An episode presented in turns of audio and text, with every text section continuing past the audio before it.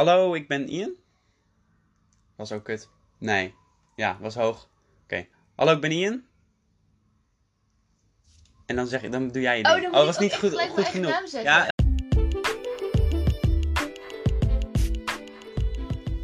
Hallo, ik ben Ian. En ik ben Linde. En dit is de Zolderkamer podcast, waar twee studenten praten over alles wat ze interessant vinden. Eh, dit is de pilotaflevering, en dat ga je ook wel merken aan alleen al dit intro. ja. Maar eh, ja, wij willen, wouden eigenlijk iets eh, nieuws proberen. Een podcast. Waarom Linde? Nou, ik denk dat het er misschien wel wat anders... Dat dacht ik eigenlijk net nog aan. Eh, ik denk dat ik er eigenlijk wel anders in sta dan jij. Want jij houdt heel erg van podcasts. Dat weet ik. En ik zou zeggen, ik ook. Alleen, ik denk dat dat vooral het concept is. Want ik luister weinig naar podcasts. Mm. Maar ik vind het gewoon heel relaxed dat je dus... Ja, zoals nu bijvoorbeeld. Wij zitten hier aan, aan een keukentafel met een kop koffie. eh, met onze telefoons in het midden op te nemen. Het is ongelooflijk laagdrempelig. Je Ja. kunt heel makkelijk iets gaan creëren. Ehm, dat vind ik heel charmant. Maar het is niet zo dat ik zelf heel veel naar podcast luister. Ik zeg dat ik te weinig tijd heb. Ja. Dat is slap excuses, want je kunt het gewoon Overal tijd voor. overal doen. Ja. Nee, ik vind, ik vind dat ook. Ik vind wat het, het leuke is aan een podcast is dat het, het gaat om de spontaniteit. Om de bijna ongeëditheid ervan. Ja, Toch? Ja, ik neem Terwijl- terwijl als je- Omdat wij net zo de hele tijd hebben zitten oefenen Ja. om een beetje de intro te starten. Ja, de, de, de- ja, de tape loopt al drie minuten. Dat, zo- zo lang kostte het om het intro te starten. Ja. Zo, zo spontaan zijn wij nog niet. nee, precies. Dat... Maar, maar nee, maar als je natuurlijk gewoon een YouTube kanaal hebt of zo. Ja. Ik weet niet, dat van onze tijd. Het, eh het hoofdcreatie ding of zo. Mhm. Dan, ja, als je dan een 10 minuten filmpje maakt, dan ben je, heb je denk ik een uur aan het opnemen. En dan Ja. moet je het heel veel editen. Terwijl ik het gevoel heb, met een podcast ga je zitten inderdaad met een kop koffie. En dan is het, dat is het. Ander verhaal. Veel laagdrempeliger. Veel laagdrempeliger. Ja. Dus wij zijn eigenlijk, wat we willen zeggen, is we zijn gewoon lui. Maar we willen toch iets maken. Dat is een... Ja, ja, dat zou je kunnen zeggen inderdaad. Oké, maar ik denk eh, in deze pilot-aflevering dat de luisteraars natuurlijk geen enkel idee hebben van naar wie ze nou eigenlijk precies zitten te luisteren. Ja. Dus, Nou, ik denk dat alleen onze moeder luistert. Dus Oh, onze moeder ja. is, is juist wel. we doen alsof het niet zo is? Ja, Oké, Ian, dat ben ik. wie ben jij? Ehm, ik ben Ian. Ehm, ik ben 20 jaar. en ik hou van paardrijden met mijn vrienden. Nee, ehm, nee, ik ben Ian Burgers. Ik kom uit Dordrecht. Ik studeer in Den Haag. Ehm, en mijn leven waar ik woon de laatste tijd is een beetje gek. Want ik ben een half jaar naar Zuid-Korea geweest om te studeren. Daar ben ik net van terug. En ik ga in augustus beginnen met een stage in Amsterdam. Ehm, ik heb dus ook geen kamer meer in Den Haag. En ik ben nu eh, in Utrecht gaan wonen. Ik ben nu roommates met Linde. Vanaf augustus. Ja, wat, wat voor studie staat je toe om zo van het buitenland, of tenminste zulke vette dingen te doen? Ja, ik, ik doe international business. Dus dat is, ja, ik zou zeggen dat het in de naam zit. Business gefocust op internationaalheid. En eh, daarvan, daarvoor is het belangrijk en deel van mijn diploma om een half jaar in het buitenland te studeren. Dus om dan culturele kennis op te doen. En een half jaar in het binnenland of in het buitenland een stage te doen binnen business. Dus dat half jaar het buitenland heb ik al gehad. En nu moet ik een half jaar stage lopen. En dat ga ik in Amsterdam doen. Ehm, ja, waarschijnlijk in Amsterdam doen. Ja. Vrij zeker. En, en ik, vanaf Dordrecht is het best wel moeilijk aan te reizen. En Linda had nog een plekje over in haar zolderkamer. En daar kom ik eens wonen. En het leek ons mooi om dan iets samen te gaan doen.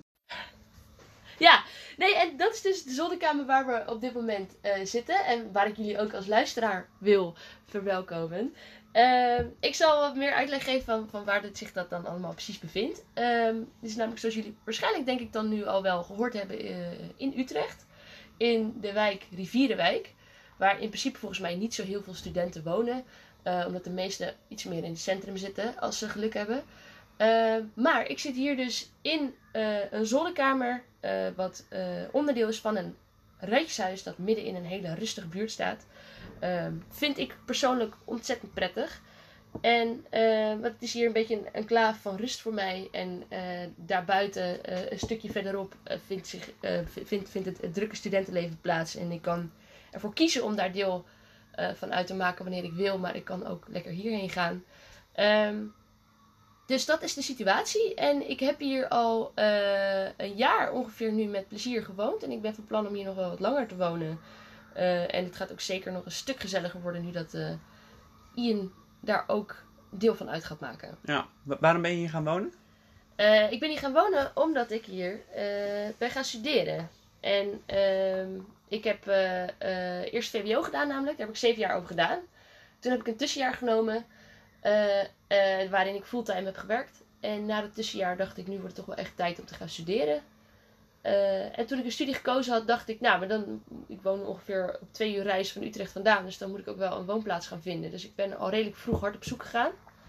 En ik heb eigenlijk precies een jaar geleden, wat dus best wel vroeg is voor een eerstejaarsstudent volgens mij, om al voor de zomervakantie eigenlijk een plek te vinden, ben ik hier terechtgekomen.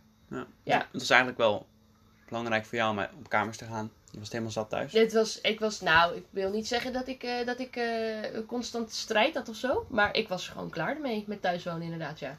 Ik kijk er heel erg naar uit om voor mezelf te kunnen beginnen en mijn eigen ding te doen. Ehm, en ik zou zeggen, nu als ik eh, een, een jaar later terugkijk, dat dat ook wel echt goed gelukt is. En eigenlijk ook precies Ja. zo is gegaan als ik dat had gehoopt. Ja, Ja. zeker. Ja. ja.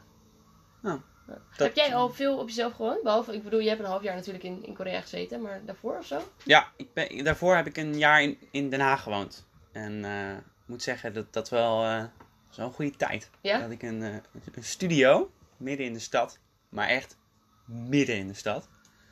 En eh, op loopafstand van eh, een kroeg waar wij heel graag kwamen, de Huppel de Pub. Ja, ik mis dat.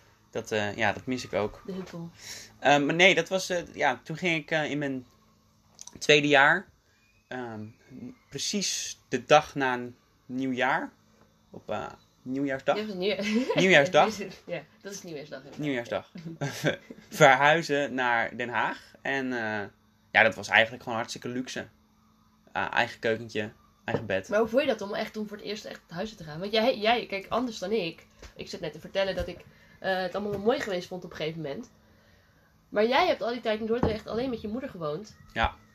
Dat ging hartstikke goed volgens mij. Ja, ik heb eh, altijd samen met mijn moeder gewoond. Ehm, en ik denk dat andere mensen die enigszins kind zijn dit misschien wel kunnen beamen. Maar ik, ik had in ieder geval een hele sterke band met mijn moeder. Omdat je dan toch eigenlijk al- alles samen doet.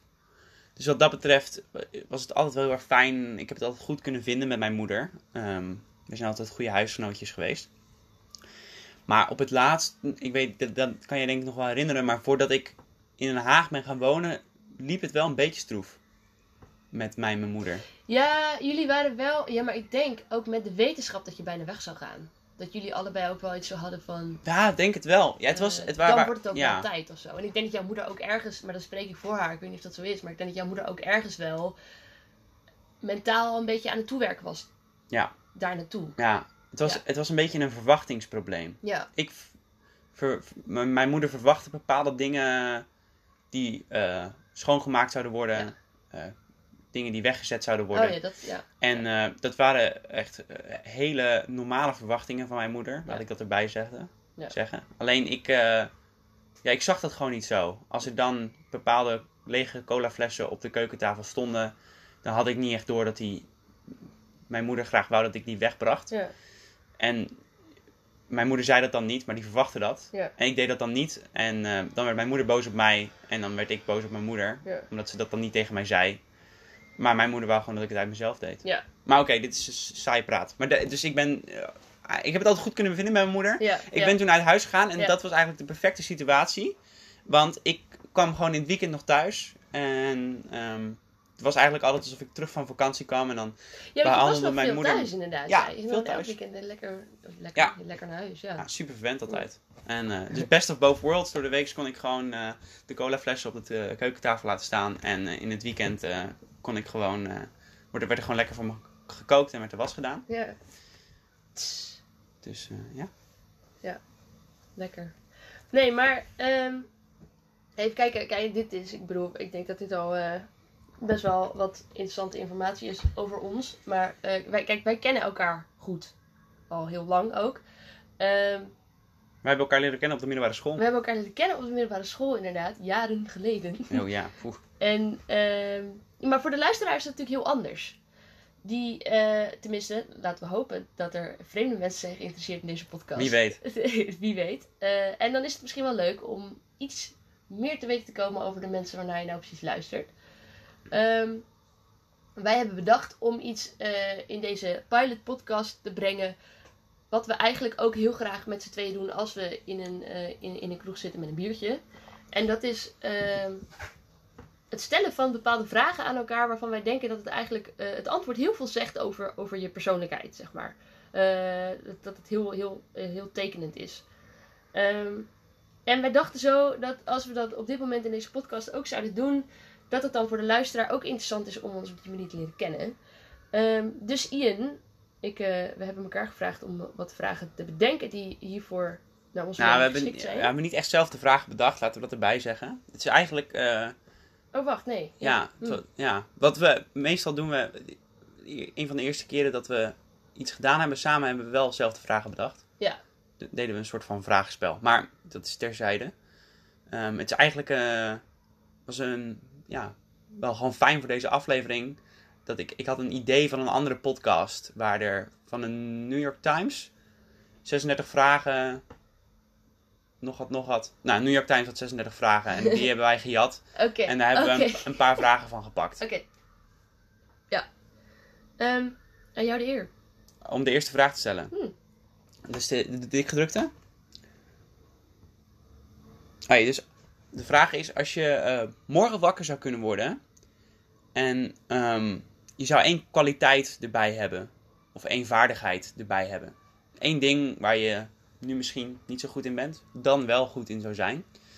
Wat, wat, wat zou die vaardigheid dan zijn en waarom? Ik denk dat. Oef. Je moet überhaupt eerst wakker worden. Dat is al een, eh, een vaardigheid die je niet echt bezit. Dat is zo. Inderdaad. Dus ik wakker word. Ik denk maar als ik ook echt, maar ook echt op dat moment eh, te, te horen zou krijgen dat ik een nieuwe vaardigheid zou, zou, zou mogen bezitten. Op het moment dat ik net wakker word, dan zou ik inderdaad, denk ik, ehm, wensen voor het zijn van een ochtendmens. Ja. dat zou al wel heel. Dat zegt veel over mij. Ja, ook, precies. denk ik. Ja, dat is een goeie. Nee, ik zou vaak, en dat heb ik nu ook met studeren, dat ik. ehm, maar ik denk dat daar eigenlijk in principe misschien helemaal geen, geen, geen grenzen aan zit dan. Ik zou gewoon veel beter in staat willen zijn om informatie op te nemen en het onthouden. Als ik het één keer lees, dat ik het dan gewoon weet. Hm. Ehm, of, en dat vind ik ook, want ik vind het aan de andere kant ook, dat, dat zou eigenlijk betekenen dat je natuurlijk minder tijd nodig hebt met studeren. Maar dat vind ik op zich niet heel erg, om veel tijd aan, aan studeren te, te besteden. Ik zou dan misschien meer discipline hebben. Wat het voor mij makkelijker maakt om het ook echt te gaan doen. En niet te gaan uitstellen en andere dingen te gaan doen. En dan kan ik soms... Ik heb heel vaak tijdens mijn studie gehad dat ik bij mezelf dacht... Ach, kon ik nou maar gewoon even 24 uur terug. Kon ik het even overnieuw doen. Dan zou ik Ja. mijn tijd veel beter indelen. Ik zou heel graag van tevoren dat al kunnen zien en kunnen doen. Ehm, dat is een vaardigheid die ik zou willen hebben. Maar Is het de bedoeling dat ik de vraag ook Ja, beantwoord? dat weet ik dus niet zo goed. Wat Kunnen we wel doen, maar Oké. hoeft niet. Mag je nu beslissen? Oké, maar ik ben wel In benieuwd moment. namelijk. Over. Ja, want ik noem net hebben we het- het eigenschap over- die jij best wel hebt. Jij bent daar beter in dan ik. Discipline, ja. Ja, dus ik zou het wel interessant vinden van wat, wat zou jij dan willen ja, ja, ja. hebben? Ehm, ja. Hebben we het over iets wat, een, zeg maar, kan, menselijk gezien? Nee, in principe alles. In principe alles. Nou, als het alles is, dan zou ik graag willen dat ik niet zou hoeven slapen. Oh, Dat lijkt me geweldig. Niet, dat is sowieso, als iemand mij vraagt wat mijn superkracht zou zijn, dan is het niet hoeven slapen, altijd kunnen slapen. Dan kan je gewoon volledig meedoen met de maatschappij. Je kan gewoon lekker om 10 uur naar bed gaan, 6 uur 's ochtends opstaan, als dat nodig is. oh, dit zou misschien ook wel een oplossing voor mijn probleem zijn. Ja, Je maar je bent tijd- nooit moe. Je bent, dat is eigenlijk, de superkracht is dat je nooit moe bent. Ja. Dus je kan gewoon 24 uur doorgaan. Lijkt me geweldig. Dan, dan heb je echt een superkracht. Maar ik geniet wel van slapen. Daarom, dus je kan altijd slapen. Als je wil. Tenminste. En ook zo lang als je wilt. ik alleen maar van dat stukje waarin je doet alsof je slaapt vlak voordat je echt slaapt. Oké. En net wakker worden en je ogen nog niet open doen. Ja, ja, ja. Dat is, volgens mij ben je niet bewust. Maar dat kan je dan dus altijd doen. Ja, ja. Maar je kan dus ook slapen op een, op een vlucht van 12 uur. Dan slaap je gewoon 12 uur. Dat is top wel, ja. Dat zou heel cool zijn. Maar oké, laten. ik- Ik heb sowieso. Ik, ik vind. Ja, ik zou gewoon mijn, mijn vaardigheid dat ik altijd goed slaap. Ja, Laten we iets realistischer houden. Want ik, ja, wat context geven. Ik ben een eh, hartstikke energieke jongen. Alleen als ik niet goed geslapen heb, dan, eh, dan gaat eigenlijk ook alles mis in mijn leven. Dan kan ik me niet meer zo goed concentreren. maakt en dan heel veel uit voor jou, hè? maakt heel veel uit voor mij. Maar kan jij nou ook een keer een avondje stappen? En dan vier uur slaap pakken en dan weer productief zijn? Of misschien niet Nee. top productief zijn, maar een beetje productief. Nee, niet, niet dus. Dat is ook het hele probleem. Daarom ehm, ga ik ga ook niet zo in het algemeen weinig stappen. Ja. Ehm, voor de, als context, Linde en ik zijn wat dat betreft volledig tegenovergestelde. Als ik, eh, als ik weg ben, eh, als wij niet samen zijn, dan gaat Linde helemaal los altijd. Nou, niet altijd, maar... Ja, ik ben daar niet zo goed in. En dat komt gewoon... Het is niet dat ik het niet leuk vind, maar ik vind het gewoon veel leuker om energie te hebben. Ja.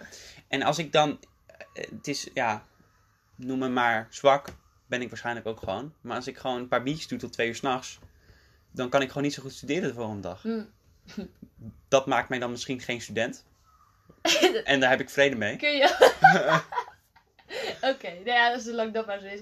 Nee, ik denk, maar ik vind, moet zeggen, de stiekem, is dat, ik kan het ergens ook wel heel erg weer eh, waarderen of zo. Ik zou dat zelf ook, ja, moeilijk te zeggen. Het is alleen dat ik, ik heb heel vaak dat ik inderdaad wakker word, vier uur slaap heb gehad, dat ik super brak ben. En dan denk ik, dat had ik echt niet moeten doen. Want, ik bedoel, ik ben ook iemand die heel, studeren heel erg leuk vindt. Dus volgens ook eigenlijk de volgende dag wel heel graag echt dingen wil doen. En het is niet zo dat het me niks doet als ik dan helemaal niet productief ben, Ja. natuurlijk. Alleen, het is meer, en dat is dus wat jij niet hebt en ik wel, denk ik. Ik kan heel de dag best wel moe zijn. Maar als het één keer langzaam donker begint te worden, dan schiet mijn energie omhoog. Echt hard ook. Ja. En dan lijkt het wel alsof ik dan pas echt wakker word. Ehm, en dan kan ik ineens, heb ik het gevoel dat ik, hoe, hoe moe ik ook was aan, aan, zeg maar, eh, overdag, dan kan ik echt alles aan. En dan heb ik dus ook eh, geen enkele reden om op tijd naar bed te gaan. Want dan is alles, ehm, moet dan in mijn hoofd wijken voor dan bijvoorbeeld ook de sociale activiteiten die ik op dat moment Ja. heb. Of ze nu gepland waren of niet. Maar het, het is denk ik ook een beetje een persoonlijkheidsdingetje, want ik, ehm, ik vind het ook gewoon extreem, extreem leuk om zeven uur 's ochtends wakker te worden, superveel energie te hebben en de ochtend te hebben voor mezelf. Ja. vind ik veel leuker dan om vier uur s'nachts buiten te zijn en te drinken. Ja. De luisteraar denkt nu echt, wat een ongelooflijke saaie lul. ja, ik ben ook wel een beetje een Zo- saaie lul. Heel vaak mensen dat ik zo was. Ik ben eigenlijk een beetje een 40-plusser in het lichaam van een twintiger. Daar ben ik het echt niet Zo, eens. zo zou ik mezelf beschrijven. Oeh. Maar ehm, ik, heb, ik heb me ook nog een vraag bedacht. Wil je, wil je eh, Ja, een vraag die sure. afwijkend is van wat wij hebben voorbereid? Nee, ik denk dat het alleen maar interessanter is, Oké, ja, ik was aan het fietsen naar de Albert Heijn vanochtend. Mhm. Ehm, en ik bedacht me, en dat vond ik iets interessants om over te praten. Ja. Er is een, eh, op een gegeven moment een punt in mijn leven geweest waar als ik iets wou, dat het ook gewoon gebeurde. Ik bedoel, als je een kind bent en je wil, weet ik het, je wil om 12 uur naar bed, Ja. Of je wil naar de kermis, of je weet ik het wat kinderen willen, dan is er een aardig grote kans dat dat niet mag. Van je moeder niet. Van je moeder niet of Ja. van je vader niet. Ja. De ki- zeg maar, je, je mag niet naar dat feestje. Je mag niet naar die vriend. Of je, je mag niet op vakantie. En. Maar dan is er op een gegeven moment is er een punt. waar als je, als je iets heel graag wilt, is een belangrijk punt. dan gebeurt het gewoon. Ja, maar dan komt je persoonlijkheid. Als je heel graag naar Japan wilt, Ja. deze zomer. Ja, En, en dan hebben we het over een, misschien een geldprobleem. Maar als je dat wilt, dan kan dat. Ja. Als, je, als jij eh, een hele week niet wilt slapen, ja. dan kan dat. Dan kan je dat doen. Maar Dus- hoe ben jij daarmee omgegaan? ja, ik vond het heel raar. Want maar, ik denk dat dat is heel erg eh, de manier waarop je op dat moment je gaat gedragen. Als, en dat is zeker dat je jong volwassene bent, zeg maar. Dat, dat, dat zegt heel veel. Dat, dat, Ja. is, dat, is, dat gaat waarschijnlijk ook wel een, een bepaalde periode die dan volgt heel erg tekenen, zeg ja, maar. maar hoe voelde dat voor jou? Dat is mijn vraag. Is Ja, dat, geweldig. maar dat, is dat een heel duidelijk punt geweest voor jou? Nee, ja, ik heb dat heel erg afgedwongen. Ja, want jij wou, jij wou het iets, iets eerder dan dat En mocht dat, misschien. dat klinkt best heftig, maar dat is een groot eh, onderdeel geweest van de, van de strijd die ik als puber thuis gehad heb. Eh, mijn, mijn puberteit was, was best wel pittig. Ik heb hard geschopt, overal tegenaan. Ehm, Ja, Ik was ook voetballer, dus en dat... mijn, en mijn, eh, mijn geweldige ouders hebben dat altijd geslikt. En ik denk het feit dat zij zoveel geduld met mij hebben gehad ook eh, bijdraagt aan dat ik nu nog steeds een hele goede band heb met ze. Ehm, Maar eh, dit is flink, eh, heeft, heeft flink gebotst inderdaad. Maar wat bij mij zo was, is mijn ouders die eh, logischerwijs vonden dat ik op mijn dertiende, veertiende ehm niet eh, een uur door de polder mocht fietsen in het donker van een vriend naar huis. En dat begrijp ik heel goed. Alleen dat betekende dus ook dat ik die vriend niet kon zien. En dat is iets wat ik bijvoorbeeld heel erg graag wilde. En zo waren er heel veel dingen. Zij, zij, zij ontzegde mij dingen. Ze zei, dit, dit mag je niet doen. En, maar ik was er toch heilig van overtuigd dat het, dat, het, dat het moest gebeuren. En dat het goed voor mij was. En ik had daar een hele sterke mening in. Eh, en ik, kan me, ik heb niet het idee dat, ik, eh, dat jij die kant van mijn persoonlijkheid nog heel erg hebt heb, heb meegemaakt. Die zal ook wel wat afgezwakt zijn naarmate dat ik ouder ben geworden. Maar ik, dat, dat, als ik dan iets in mijn hoofd had, dan wist ik zeker dat dat ging gebeuren. En mijn moeder die wist dat stiekem ook al. Op het moment dat ik ermee begon. Ja. Denk ik. Denk ik. Ehm, en ik heb dus op een gegeven moment, ik heb gewoon heel hard eh, eh, daar een probleem van gemaakt altijd. En op een gegeven moment heb ik dus die grens die mijn ouders mij stelden, heb ik steeds meer omhoog weten te tillen. Totdat ik op een gegeven moment me realiseerde, ik ben nu 16. En wat mogen mijn vrienden eigenlijk weinig? Hm. En toen dacht ik, oh, Ja. ik heb wel, eh, ik heb mijn ouders ver gekregen, zeg maar. Ja. Maar ik, een heel groot argument voor mij was altijd eh, dat ik, eh, hoe ik vind dat ik in elkaar zit, nog steeds denk, is dat ik het zelf moet ondervinden. Eh, mijn opa zei altijd tegen mij: Je bent een slim persoon als je kunt leren van je eigen fouten, maar je bent nog slimmer als je kunt leren van andermans fouten. En dat laatste, dat bezit ik niet. ja. Nee, ik moet het zelf meemaken, zeg maar. En soms twee of drie keer. Mm. Voordat ik echt begrijp hoe het zit en wat ik wel en niet moet doen. En wat ik altijd tegen mijn ouders zei is: jullie kunnen voor mij een grens stellen. ehm, maar ik vermoed dat mijn eigen grenzen daarboven liggen. Hoe kan ik ooit mijn eigen grenzen ontdekken als jullie grens daaronder ligt? En dat is dus, dat was mijn eh, argument om hen ervan te overtuigen dat zij hun grenzen moesten laten vallen. En dat hebben ze op den duur ook gedaan. En als ik dat nu op deze manier vertel, dan denk ik, oh dear. en dat is ook terecht, want ik ben hard over mijn eigen grenzen gegaan vervolgens. Dingen, heel veel dingen die zij niet nooit weten, nooit zullen weten. Misschien dat ik zo ooit, als we, eh, als een keer zoveel jaar getrouwd zijn, dat ik dat nog wel eens met een glimlach vertel. Maar eh, op dat moment waren dat heel veel dingen waarvan zij dat niet mochten weten. Waarschijnlijk weten zij ook meer dan dat ik denk dat ze weten, maar... Kan, kan je één geheim ding noemen? Voor, voor, Nee, voor maar de ik- luisteraar. daar moet ik heel goed over nadenken namelijk. Want het gaat... Dat, ja, nou, een heel, heel, heel simpel voorbeeld is alleen al... Ja, dat, oh, dat vind ik ook totaal zeer om dat te vertellen eigenlijk. Ja, dat maar dit is dus wel mooi. altijd... eh, vroegen zij aan mij... hey, je gaat naar een feestje, het dorp verderop, eh halve fietsen. Eh, prima. Eh, en dan probeerden ze nog wel eens, wees je om een uur of twaalf thuis. En dat ik dan... Nee, weet je, als van, nee, dat ga je, kun je me niet vragen, want dat ga ik gewoon niet doen. En dan was mijn moeder zo van, oké, ja, ik had het kunnen weten, maar toch even proberen, weet je wel. En eh, dat ze dan altijd zeiden, fiets je wel met iemand mee naar huis? En voor mensen die in de polder zijn opgegroeid weten dat het vaak ellenlange fietspaden midden door een weiland kunnen zijn, waarin de, hopelijk de lichten werken, maar lang niet altijd. En ik zei altijd ja, maar dat was vaak niet. En het is natuurlijk gewoon platte leugen, zeg maar. Ja. En ook iets wat voor mij helemaal niet belangrijk was. Denk je dat ze je geloofden? gebeurt. Ja, dat weet ik dus niet. Dat zou ik dus moeten vragen. Ja, misschien moeten me je, mo- je moeder als gast hebben op de podcast. Ja, dat lijkt me een goed idee. Ja. Ik, maar ik denk dat dat oprecht, wij kunnen hier nu ook heel goed Oeh, over praten hoor. Misschien zouden we dat de... is wel eh, Maar even serieus, ik zou best wel een aflevering willen doen met allebei onze moeders. met allebei onze moeders. Over opvoeding. Oké, oké. Dat is een goed idee. En dat maakt me dus. Ik, ik had dus ook. Het was, eh, jij hebt mij een lijst met, met, met die 36 vragen gestuurd. En één sprong daar dus voor mij heel erg uit. Wat ik een leuke vraag vind. Ja. Ik durf hem niet aan iedereen te stellen, omdat het soms een beetje. Ik ben soms bang dat ik dan eh, voor mensen een deurtje open doe die ze liever nog niet open doen. Nu in deze periode vlak nadat ze uit huis zijn gegaan. Maar wat ik altijd een hele interessante vraag vind om te stellen is. Als je iets zou kunnen veranderen aan de manier waarop je bent opgevoed. Wat zou dat zijn? Ehm, ja, ik vond het ook wel een erg interessante vraag. Heb ik hem nou gejat van je? Ehm, ja, je zit wel een beetje te doen alsof het jouw vraag is. Maar ik heb het gevoel dat ik deze opperde. Maar dat... Oh, is het? Ja, Oké, oh, maar dit doe ik, ja. Ik hoor mensen hun ideeën en dan vergeet ik het weer en dan komt het in mijn, in mijn hoofd op en dan zeg ik dat het, dat het van mij was. ja, dus je bent een, eigenlijk gewoon... Ik ben een koekoek. Plagiaatpleger. een- Een klootzak, ja. Oké. Maar dat, eh dat terzijde. Hartstikke goede vraag. Bedankt dat je me hebt bedacht, Linda. Ehm, Graag gedaan hier, graag gedaan. ja, De ehm, kwaliteit van de podcast. precies. Ja.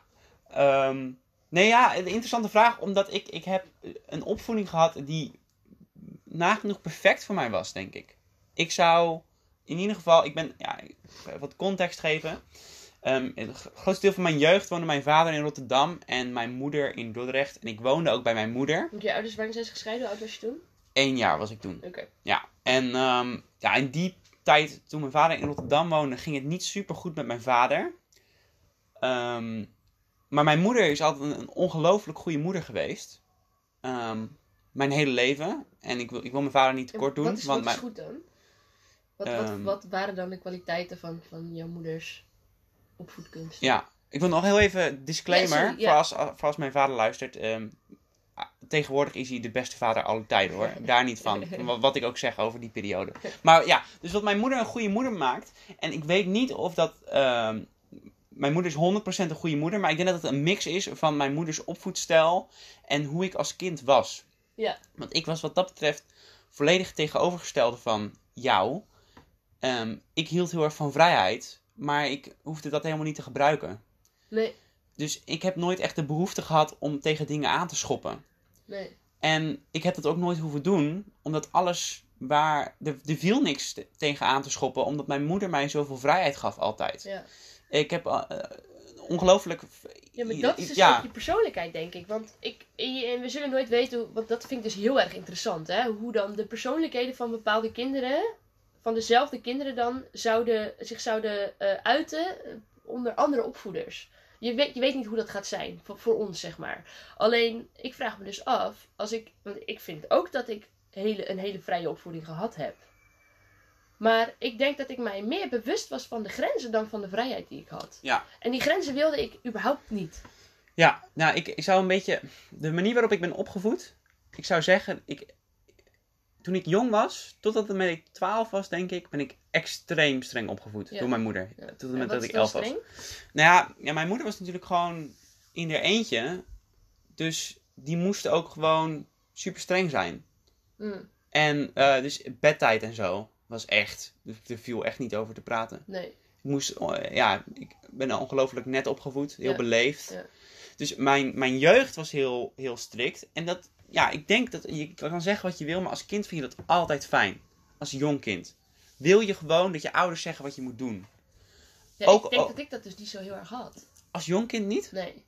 dan wil, je, dan wil je toch niet dat je. Want ik, als ik bij mijn vader was, dan mocht ik zelf mijn bedtijd bepalen. Maar als ik Ja. daarop terugkijk, vond ik dat niet fijn. Ik vond het wel fijn dat mijn moeder tegen mij zei: Nu ga je naar bed. Ja, ik weet het dus niet hoe dat was. Ik had een, eh, ik had een, eh, een vriendje van school, wie's ouders ook gescheiden waren. En wiens vader ehm, ergens in een grote stad woonde. En als hij daar was, mocht hij ook zelf bepalen wanneer hij ging, naar bed ging. Ja. Ik dacht, dat is het beste ooit. Ja, maar dat. Maar maar- ik zal dus nooit weten hoe dat is. Want Nee. mijn moeder heeft dat mij nooit toegestaan. ja, maar ik, ik, ja, ik denk dat, dat ik voor de, voor de menig mens spreekt dat het heeft meegemaakt. Ja. Ik heb dat bij mijn vader dus ook meegemaakt. Ja. Ehm, ik ging één keer in twee weken naar Rotterdam. Ja. Nou, daar mocht ik eten wat ik wou. Mocht ik naar bed wat ik, wanneer ik wou. En dat is niet leuk. Nee. Dat is leuk als een vriend dat heeft en dat je een keer een weekend langs gaat. Ja, Maar als dat echt je ouders zijn, dan heb je niet het gevoel dat het echt je ouders zijn. Maar oké, en dan dus de, verder de context. Toen ik dus wat. ehm, Hm. Ik heb eh, dan dus in mijn puberteit.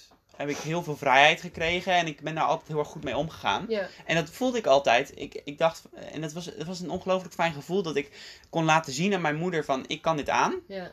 En dan als ik daar gewoon goed mee omging, kreeg ik meer of het, Ja. eh, behield ik het. En het is, er is één verhaal wat ik eh, super tekenend vind van, van mijn, mijn opvoeding in de puberteit. Is dat ik met een vriendin, ehm Yara, in de achtertuin zat. Mhm. Hallo Yara als je luistert. Ehm, en wij waren een, een peukje aan het doen, aan het roken. En dit was eh, toen ik een beetje beginnend roker was. Hoe oud was je toen? Eh 15, denk Mm. ik. 15 was ik toen. Mhm. Nou, dat is natuurlijk best jong. En eh Jara was 16, denk ik. En ehm Jara was ongelooflijk paranoïde over dat haar ouders erachter zouden komen of zij rookte of niet. En dan hebben we het echt over deodorant. En eh, oh, de hele... dat, eh, niet deodorant roken. Nee, sorry. nee, niet deodorant roken. maar dat je dat echt... eh, ja, ja, ja, ja, ja, ja. Wegstoppen. Wegstoppen, tanden poetsen. douchen, tanden eh. En dan aan de, de eetkamertafel gaan zitten. Ja. En, en wat er gebeurde is dat Jara was bij mij langs. En eh, zij had sigaretten mee. En ik had een peukje van haar. En mijn moeder komt binnenlopen. En ehm, Mijn moeder had mij nog nooit zien roken. Nee. Dit was ook überhaupt een van de eerdere keren dat ik rookte. Ja. En toen ging er, bij mij ging er, dacht ik van, wat ga ik nu doen? En toen dacht ik, mijn moeder, ik ga, ik ga hier niet moeilijk over doen. Ik denk dat mijn moeder hier ook niet moeilijk over gaat Je was doen. niet bang op dat moment. Ging niet een Nee, beetje zweten? Nee, helemaal niet. Ehm, en toen Jara begon heel erg te zweten. Die zei, weg doen, weg doen. Ja. En er was een beetje stress. Ja. En mijn moeder komt de achtertuin in. En eh, ik neem mijn huis. Mijn moeder kijkt me aan en die zegt, rook je tegenwoordig? Ik zeg, eh, ja, ik ben even aan het kijken of ik het interessant vind. En die zegt tegen me, oh ja, prima, moet je ook uitvinden. Maar het is niet gezond, hè, dat weet je. En dat was ja, dat was Wauw. prima. En dat, dat, dat, Terwijl ze zelf, dat is heel belangrijk om te vermelden trouwens. Jouw moeder eh, rookt zelf niet. nee, En die heeft, ik heb het wel eens met haar over gehad. En die vertelde toen, eh, ja, ik heb het wel eens geprobeerd, want iedereen deed dat. Ja. En ik zat in die kroeg en dan mocht je binnen roken. En, en toen dacht ik, dat moet ik ook doen. ja. Maar ze zei, ik heb het nooit begrepen, ik vind het niet lekker. Dus ze Ja. heeft nooit echt gerookt volgens Nee. mij. En maar dat, dat gevoel, dat vond ik geweldig. Ja. Dat ik gewoon, ik had zo, alles in mij zei, oké, mijn moeder heeft gewoon vertrouwen in mij om gewoon nu een paar jaar dom te zijn en te roken en er daarmee gewoon mee te kappen. Ja. Maar gewoon, gewoon zelf die fouten leren maken. Ja, ja. Ehm, Ja. en, ik denk ja. dat dat ook best wel, ja, zou je dat kunnen zeggen? Ik zou, ik zou willen zeggen dat het ook nog best wel tekenend is voor hoe je ouders zijn, hoe ze ermee omgaan als je rookt. Maar ik, ik denk niet dat je dat echt kan zeggen, want de ene is daar natuurlijk gewoon veel meer, ehm, veel, is, is zich veel meer bewust van dat het slecht is en dat je het niet moet doen. Dat, dat, dat gaat niet helemaal op, denk ik. Ja, ja, Maar- ik, ja, ik heb ook nooit superveel gerookt. Maar Nee. natuurlijk, als je een kind hebt waarvan je denkt dat hij er niet zo goed mee om kan gaan, Ja. dan, ja, wat doe je dan? Want voor hetzelfde geld zeg je, oké, ja, doe maar lekker dat peukje, zoals mijn moeder dat deed. Ja, En een maand later rookt je kind een pakje check leeg per dag. ja. Heb je het dan verkeerd gedaan? Ik, ik weet het niet, maar wat, wat, in mijn opvoeding, het- ja. is- Ik zou eigenlijk zeggen dat het überhaupt natuurlijk slecht is om het te promoten. En dan zeg ik niet dat zij het gepromoot heeft, maar ze heeft wat toegestaan. En ik zou eigenlijk, ik- vind het logisch dat ouders zouden, er alles aan zouden doen om het te voorkomen. Maar ja, dat werkt ook vaak gewoon helemaal Dat werkt niet. Nee, want ik Dit ken werkte dus- wel. Ik had heel veel, ja, dat, dat kan me goed voorstellen. Ja. Ik had veel klasgenoten die, en dit is, dit is denk ik wat, wat wel meer eh, mensen van, van onze generatie eh, mee, meegemaakt hebben. Is dat, dat je ouders dan bijvoorbeeld zeiden, ehm, als je niet rookt totdat je, totdat je 18 bent, Oh, ik haat die regel. je kent hem. Oh, dan krijg je je rijbewijs. Dan krijg je rijbewijs, dan krijg je een scooter, dat soort dingen. En ehm, Ga je lekker op je scooter zitten roken daarna. de dat is dus één manier inderdaad. Alleen wat er ook heel vaak gebeurde, is wat ik dus heel vaak zag. En dat waren dan mensen in kwestie ook zelf heel erg trots op. Die zeiden, ik rook mm, heel veel, maar mijn ouders weten dat niet. Ik krijg toch mijn rijbewijs. Ja. Ik denk dat je, en dan heb je dus die Jara's inderdaad, die, die, die dan gewoon zich vol spuiten met, met deo en ehm, ehm, weet ik veel wat je doet. Je handen was met, met tandpasta, dat heb ik nog wel eens gedaan. En dat je dan inderdaad gewoon niks, eh, alsof niks aan de hand is bij je ouders aan de keukentafel gaat zitten. Ja, en ik denk dat het, het, het heeft... Maar daar creëer je alleen nog maar meer afstand. Nou, het is dus, het is, het is tweevoudig, denk ik. Er zitten twee dingen aan. Ik denk als je het gewoon oké vindt, dan, en dan hebben we het inderdaad over het bepaald soort kind dat ermee om kan gaan. Ja, Dan is een, een deel van de lol er ook af. Ja. Als het mag van je dus ouders. het is niet meer schoppen dan. Ja, maar en dan wordt het ja echt je eigen verantwoordelijkheid. Ja. Oké, het mag van mijn moeder. Of ja, mag. Ja. Mijn moeder is het ermee eens. Maar dan is het dus mijn keuze. Ja. Dan is het 100% dat ik het wel of niet doe. Ja, En dat heb ik altijd heel fijn gevonden. En dat, daar kan ik heel goed mee omgaan. ja, Dus dat ik hou heel erg van zelf bepalen of iets goed voor mij is. ja.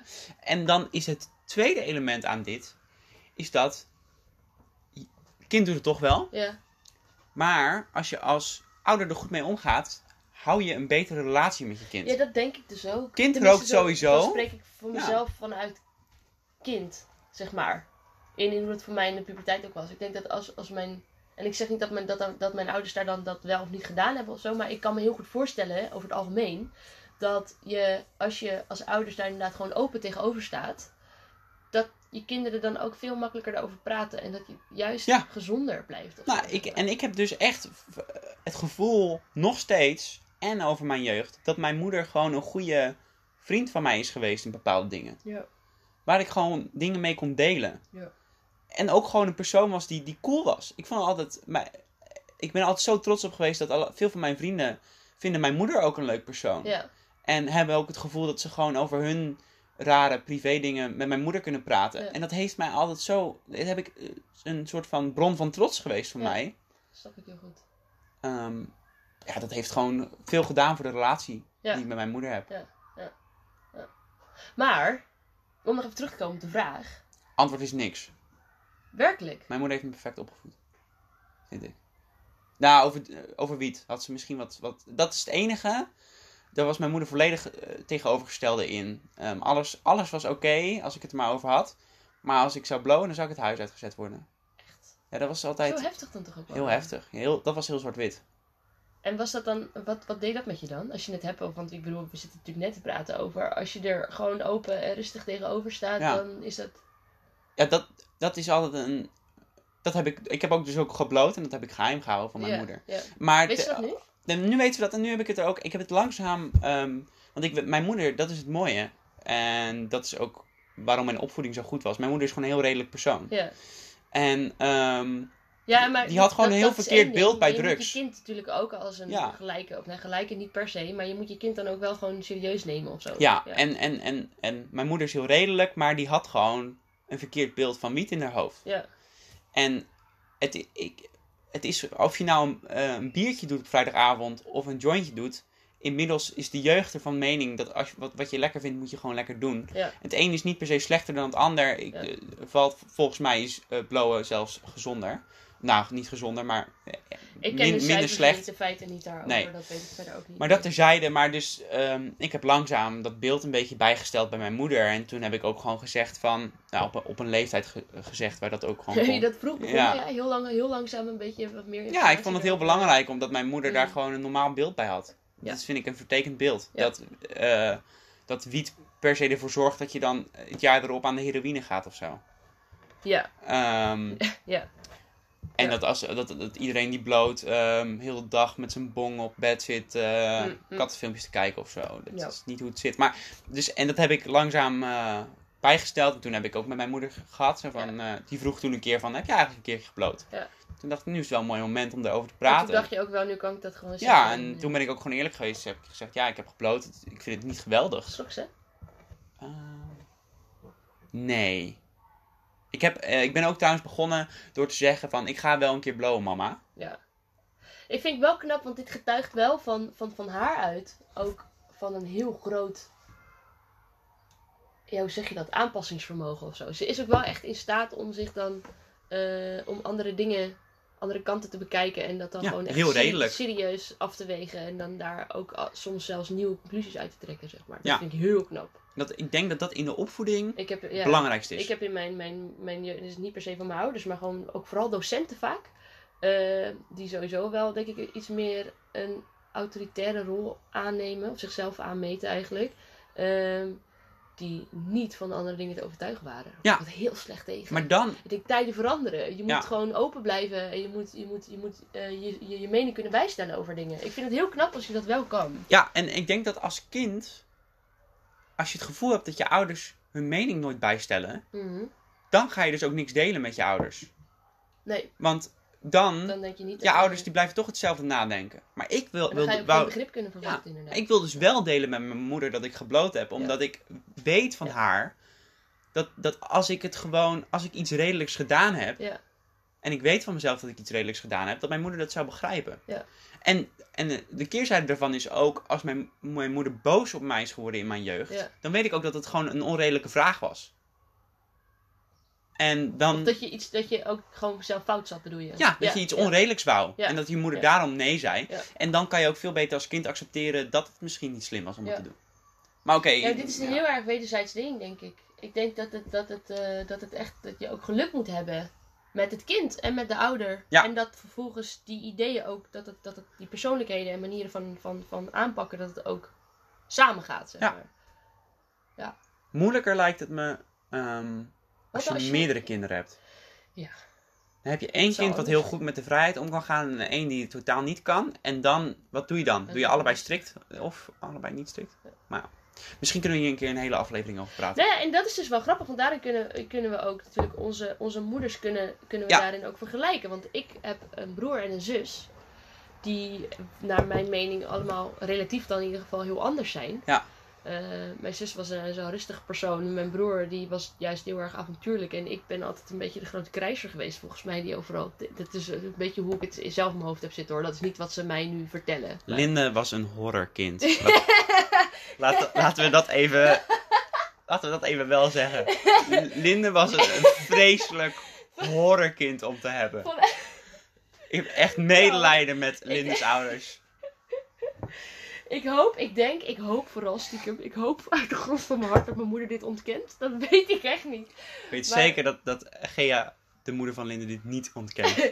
Vanuit een bepaald perspectief zou je dit vast. Oh, ik, we moeten een podcast kopen met onze moeders. Maar dit, nee, dit wil ik echt doen. Heel Ja, graag. we- Allebei gaan we fixen. gaan we Ja. een aflevering doen. Over opvoeding. Oké, we moeten door. Eh, Ja. Ik vind dat we een andere vraag moeten stellen, want anders dan blijven we te hangen. Ja, nee, ik, wil, ik, wil, ik wou hangen. sowieso al een andere Ja, vraag oké. stellen. Dus aan jou, wederom. Mm, ik ga even, even kijken wat ik ga uitkiezen.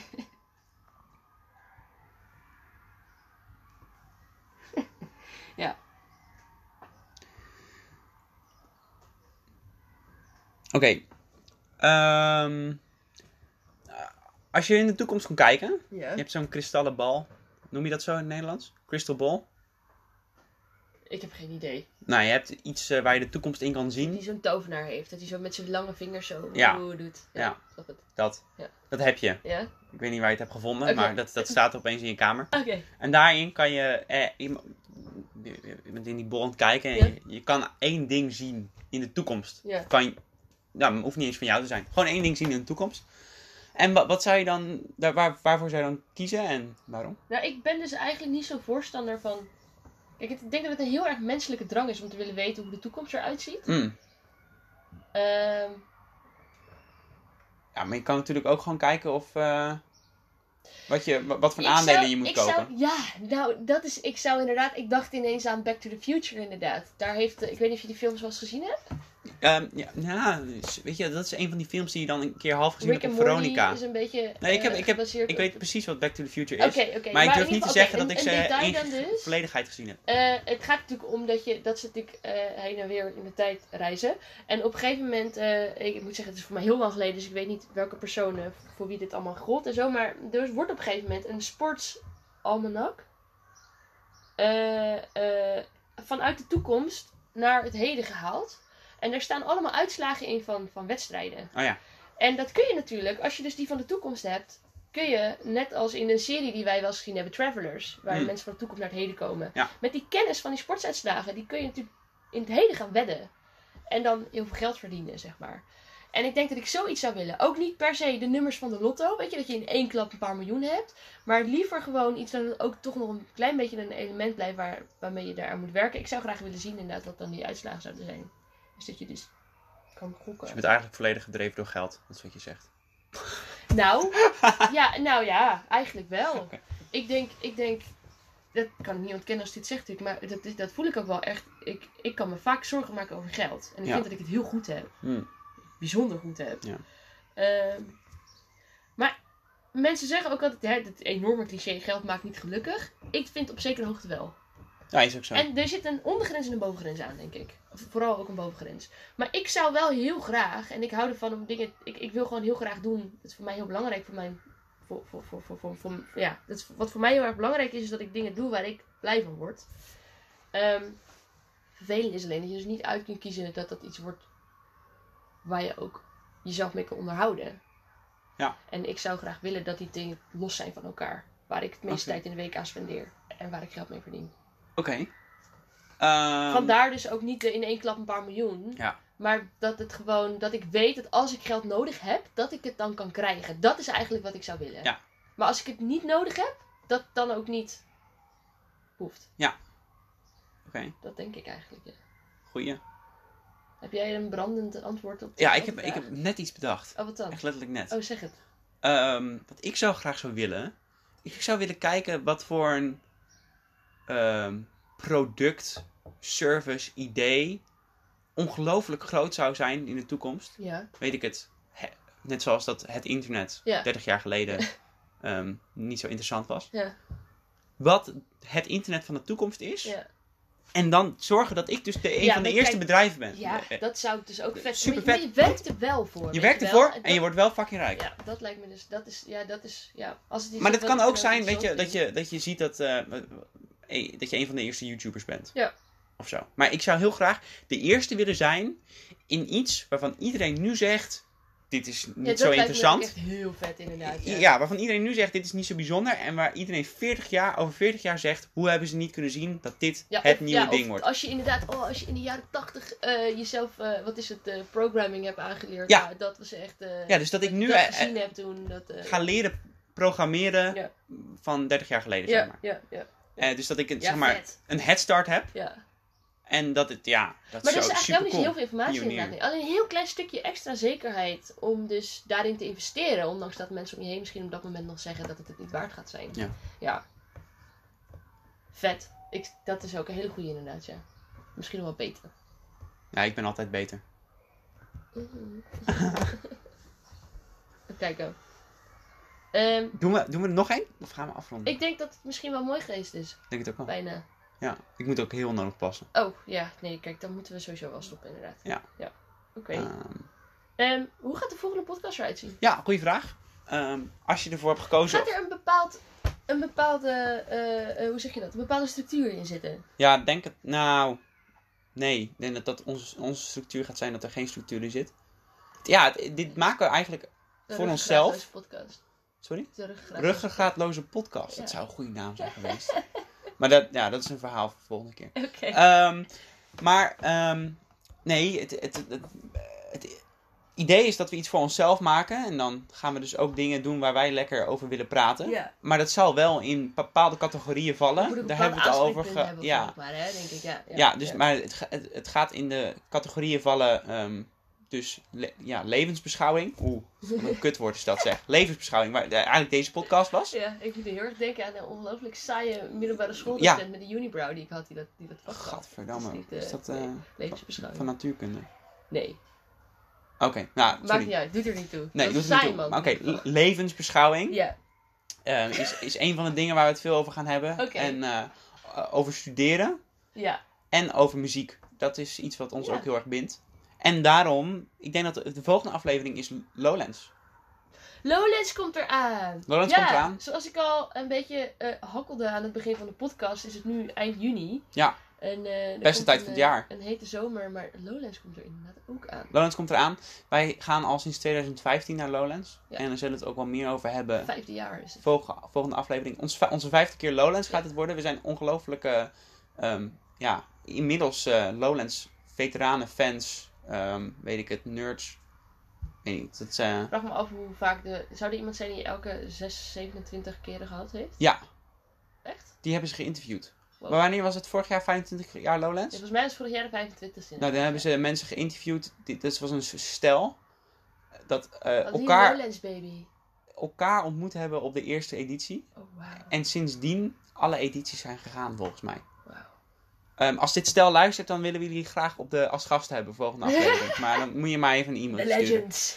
Ehm, maar oké, ehm, wij, wij zijn ongelofelijke Lowlands nerds. En eh, ja, ik denk dat we toch vaak hele avonden daarover praten. Oh, dat kunnen wij zeker, ja. Dat gaan we dus ook doen volgende aflevering. Ja. Eh, verwachtingen, dat soort dingen. Hartstikke leuk. En ehm, dat is het. Dat is volgende Ja, aflevering. het was misschien wat rommelig, alleen we weten zelf ook niet zo heel goed waar het heen gaat. We hebben een, het is inderdaad, zoals Ian net vertelde, een, een, een, een vaag idee. Ehm, blijf vooral luisteren. Ja. En ehm, wie weet wordt het op een gegeven moment nog wel heel vet, een hele vette structuur, een hele vette, vette onderwerpen en, en heel dynamisch. En, en we gaan het zien. Ja, we gaan het zien. En ehm, ja, ik weet niet waar deze podcast op komt. Maar als hij ergens op komt. nooit gepubliceerd. Nooit, dit is geheim. Dit wordt gepubliceerd over 30 jaar. Nee, maar als het ergens op komt waar je het kan liken, like het dan vooral. Als het ergens op komt waar je op kan volgen. Volg ons. Vertel daarover. Er komt meer. Praat Weet je, over je eigen podcast. je hebt nu de kans om gewoon fan te worden van iets wat over een paar jaar gewoon mega wordt. Kijk, dit is misschien wel inderdaad waar Ian het ook net over had, als je in de toekomst kan kijken. Ja, maar Misschien nee, kun jij over meerdere jaren wel zeggen, nou, ik heb ze vanaf alle- het allereerste moment heb ik ernaar geluisterd. dat is vet, ja. Ja. Dat je gewoon nog eh, Nirvana in de kleine zaal van eh, wat dan ook kan Ja. zien. Dat is ook iets waar we het over hebben. Ja. Welke band wil je zien? Goed. Oké, Jongens, bedankt voor het luisteren. tot de volgende keer. Tot de volgende keer.